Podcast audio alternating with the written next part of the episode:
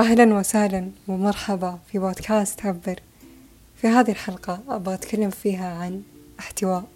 اليوم لما صحيت من النوم جلست ساعة قبل ما أقوم وغالبا لما أنا أسوي هذه الحركة إنه أجلس ساعة قبل ما أقوم من سريري غالبا أقعد أتخيل حاجات كثيرة. واليوم آه نفس ما يقولوا أحلام اليقظة فاليوم جت في بالي story وحسيت إنها كانت مختلفة عن ال stories اللي دايم ذهني يصورها لي. وحسيت إن هذه ال story مرة نفسي أشاركها مع حد مرة نفسي إني أكتبها أو أتكلم عنها أو حتى أعبر عنها عن طريق الغنا أو الرقص أو يعني يكن.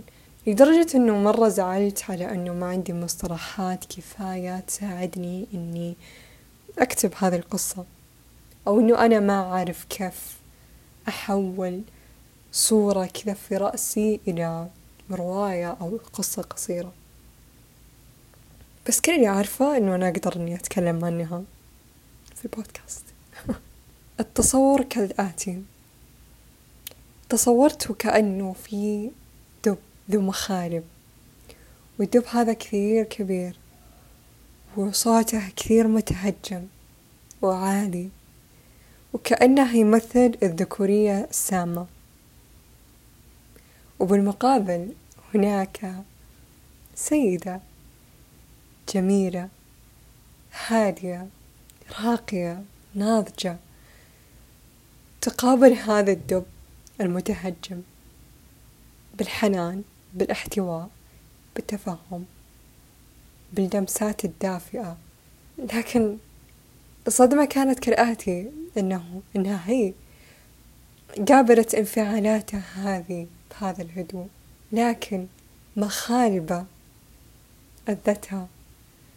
لما جاء هو يحضنها أذتها مخالبة. وبعدين لما استوعب إنه اوه ماي جاد أنا قاعدة اذي أجمل إنسانة قابلتها في حياتي. قرر إنه يهدأ. قرر إنه يشوف إيش اللي صار. فهي ساعدته. تمام وكان يد لها يد العون. بأنه يصحى على حاله بسؤال سألته هي قالت له إيش اللي صاير؟ إيش اللي صار؟ What happened? ولما سألته هذا السؤال ولما حضنته لما كان هو منفعل وكأن صورة الدب هذا تلاشت وما بقى غير طفل صهنوني قاعد يبكي. يبكي قولا إنه oh my god this is the first time. أشعر بالاحتواء وأحس إن حنا كلنا كذا جوانا الدب هذاك المتهجم اللي اللي يصارخ ومنفعل. بنفس الوقت جوانا الليدي أو السيدة الهادية الناضجة اللي قادرة على أنها تحتوي كل هذه الانفعالات. بلمسة حنان بتواصل بالعين بالكلمات والهمسات الدافئة اللي تخلي الانفعالات هذه تتلاشى وتخليك تتلاشى من كونك الدب اللي مستعد إنه يتهاوش أو إنه ينفعل على أتفه الأشياء. ليظهر هذا الطفل البريء اللي محتاج إن حد يحضنه ويقول له أنا معك وبالنسبة لي هذه رحلة التشافي مع مع جروحي مع ألامي هي كانت كذا. هي كانت عبارة عن احتواء. وحضن لهذا الطفل اللي اللي من برا قاعد يصارخ.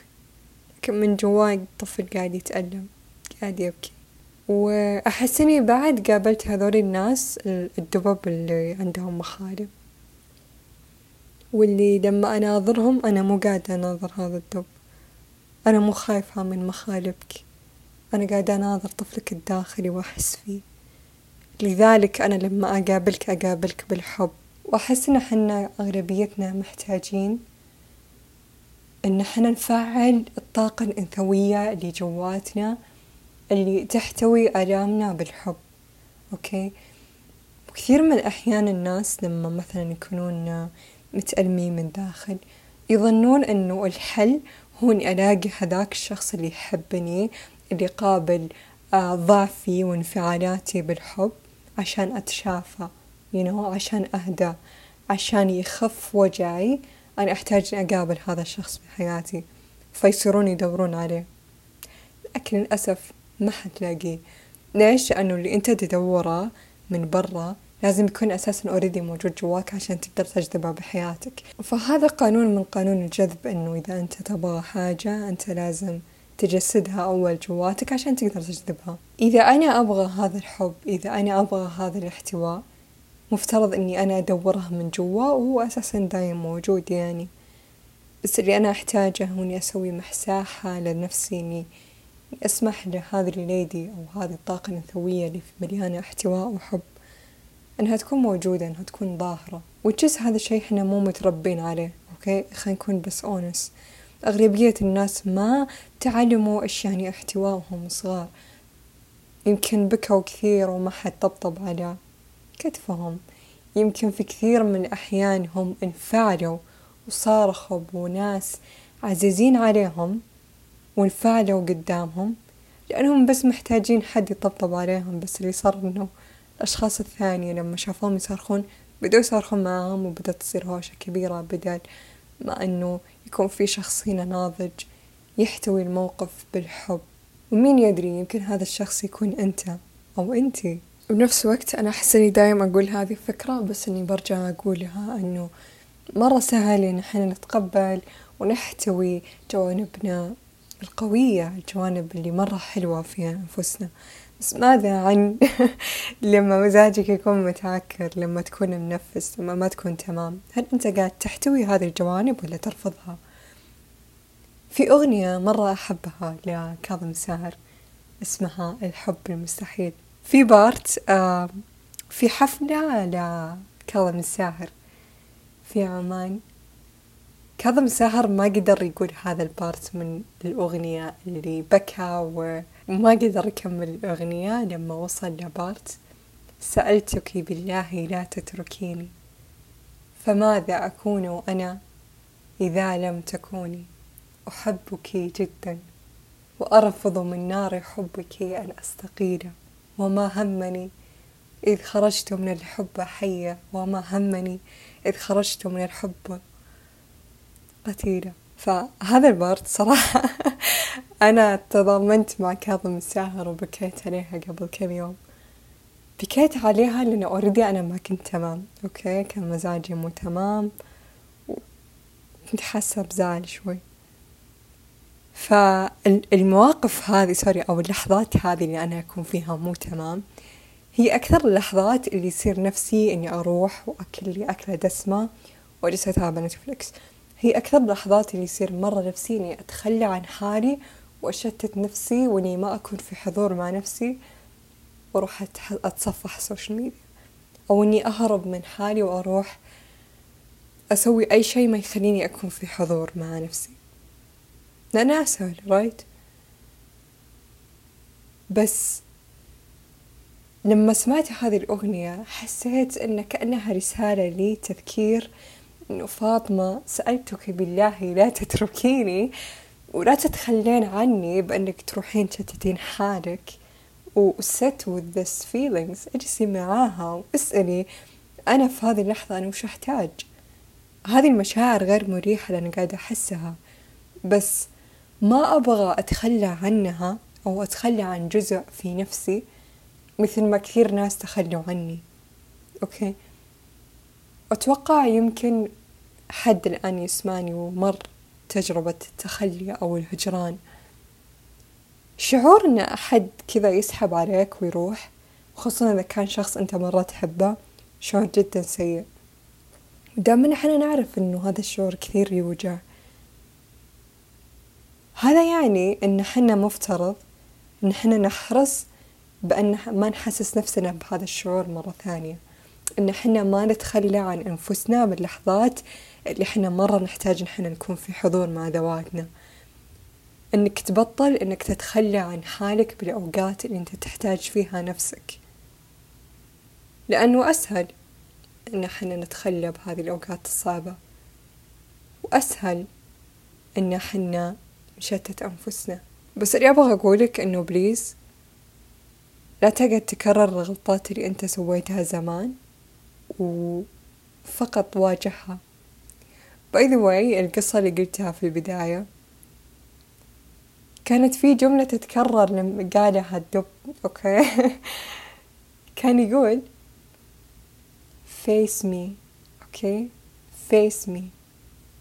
وال lady جاوبت إنه okay أنا بواجهك بس بواجهك بالحب. طبعا ما قالتها كذا في خيالي يعني بس إنه جسدت هذه الإجابة بعن طريق إنها تلتمس هذا الشخص أو هذا الدب وتحتويه.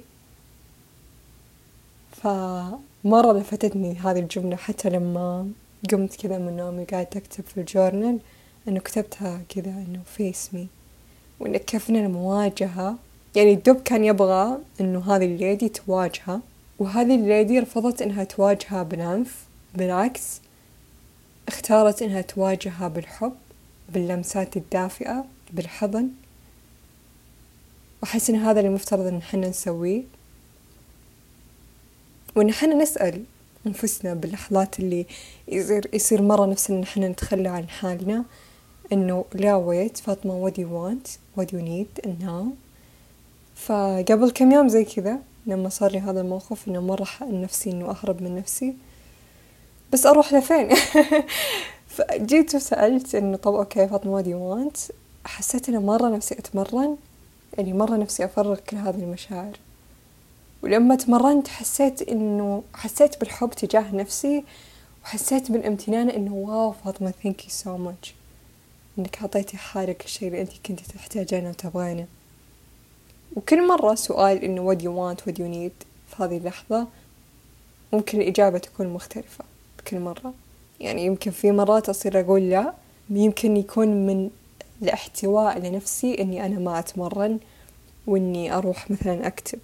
فعلى حسب. وبالنسبة لي أحس إنه ما حد حيقدر إنه يحتويك كثر احتوائك لنفسك.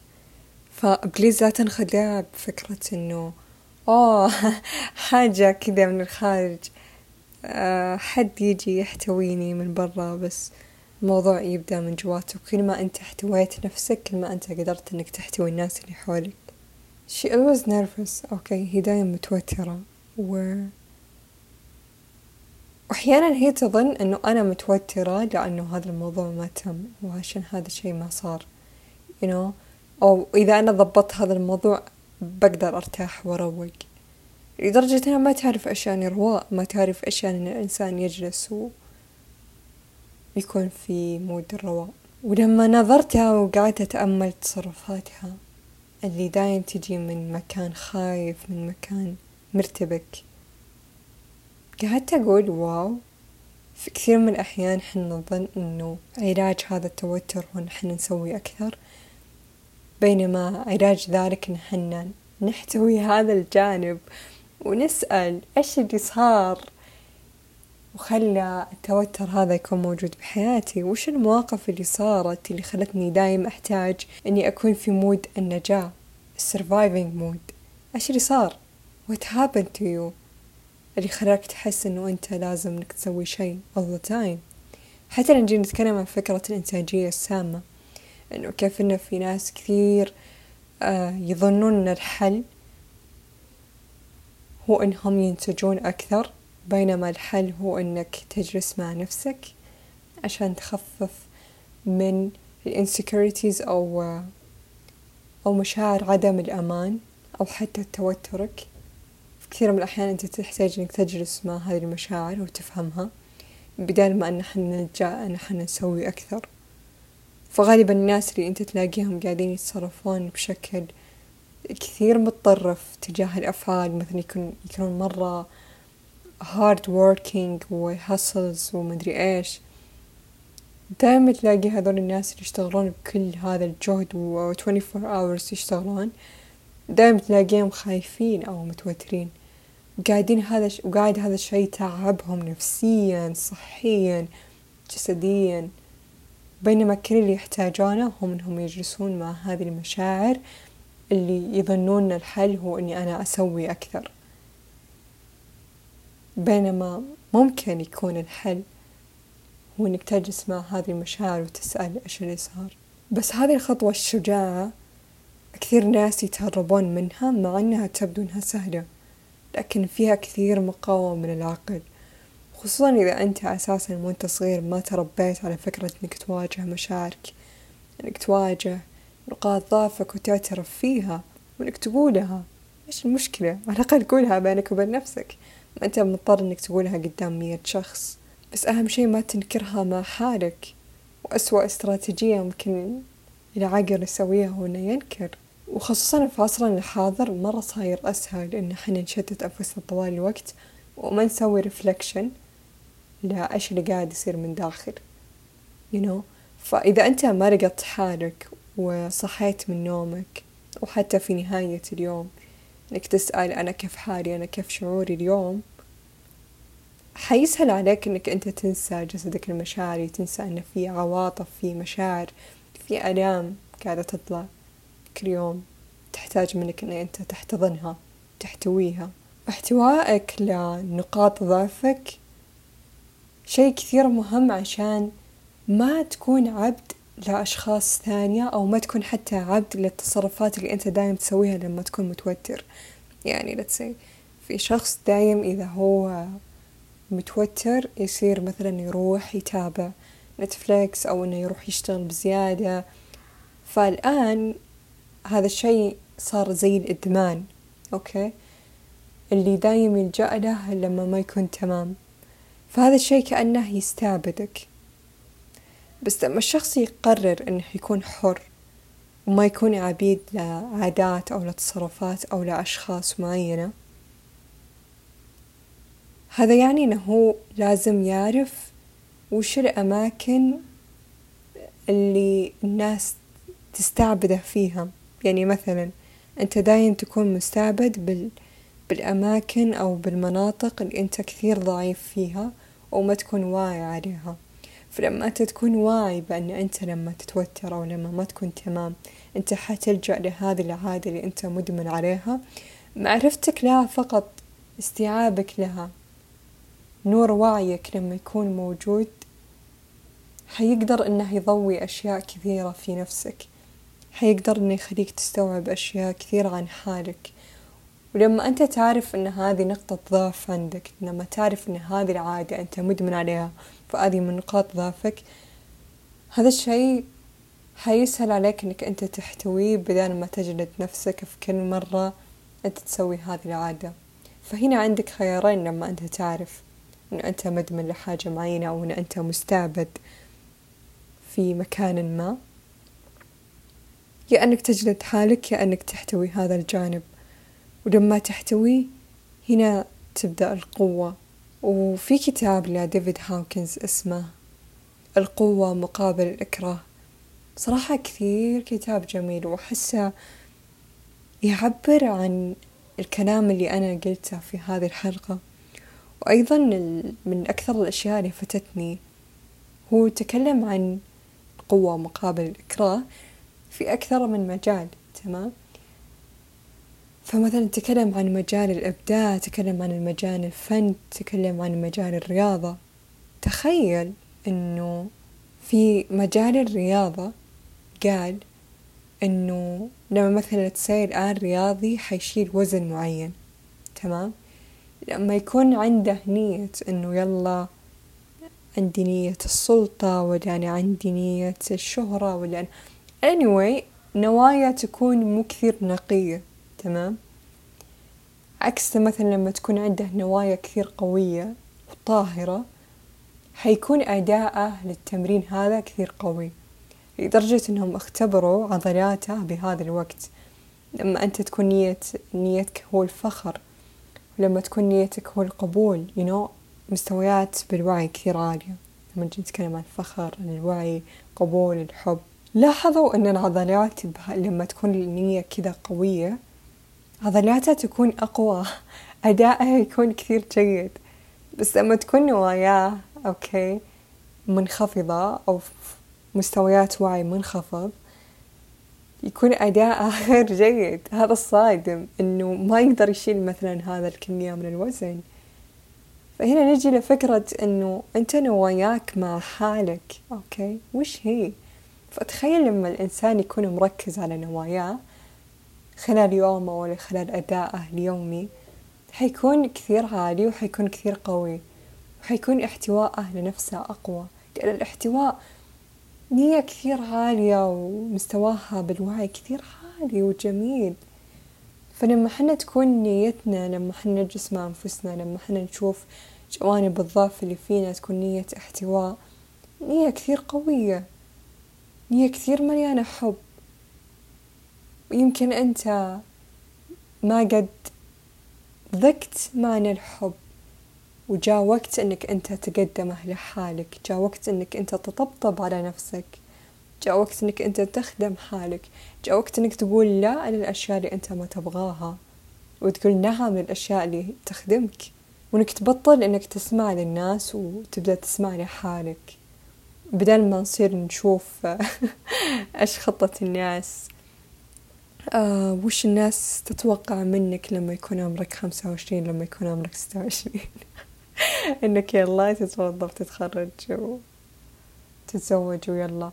بدل ما إنك أنت تسمع لحالك وتشوف أنت وش ودك هذا قمة الاحتواء you know إنه أوكي I know. Let's say مثلا I know فاطمة إن انت تبغين هذا الشيء. So I'm gonna do it for you. حتى لو إنه المجتمع هذا مو متقبل الشيء اللي أنا أبغاه I'm gonna do it for myself. هذه كثير نية قوية. قادرة أنها توصلك لأماكن كثير حلوة ومنها حتقربك من حالك. وهذا يعني إنك أنت حتواجه الخوف وتحتويه. حتواجه شعورك بعدم الراحة لما أنت تقرر إنك تختار حالك. ولما أنت تقرر إنك تحتوي هذا المشاعر من عدم الراحة بالقرارات اللي ما قد حد سواها في محيطك. إيش قد صعب وش قد يحتاج منك احتواء. والعجيب بالأوقات هذه اللي أنت مثلا تسوي فيها قرارات آه، خارجة عن منطقة راحتك وممكن تواجه كثير من الرفض الاجتماعي تجاه القرار اللي أنت سويته. وكيف أن مشاعر عدم الراحة لما أنت تخرج من الوعي الجمعي هو أكثر الأوقات اللي أنت تحتاج فيها حد يحتويك. ولما تناظر حولك حتلاحظ إنه ما في حد غير نفسك.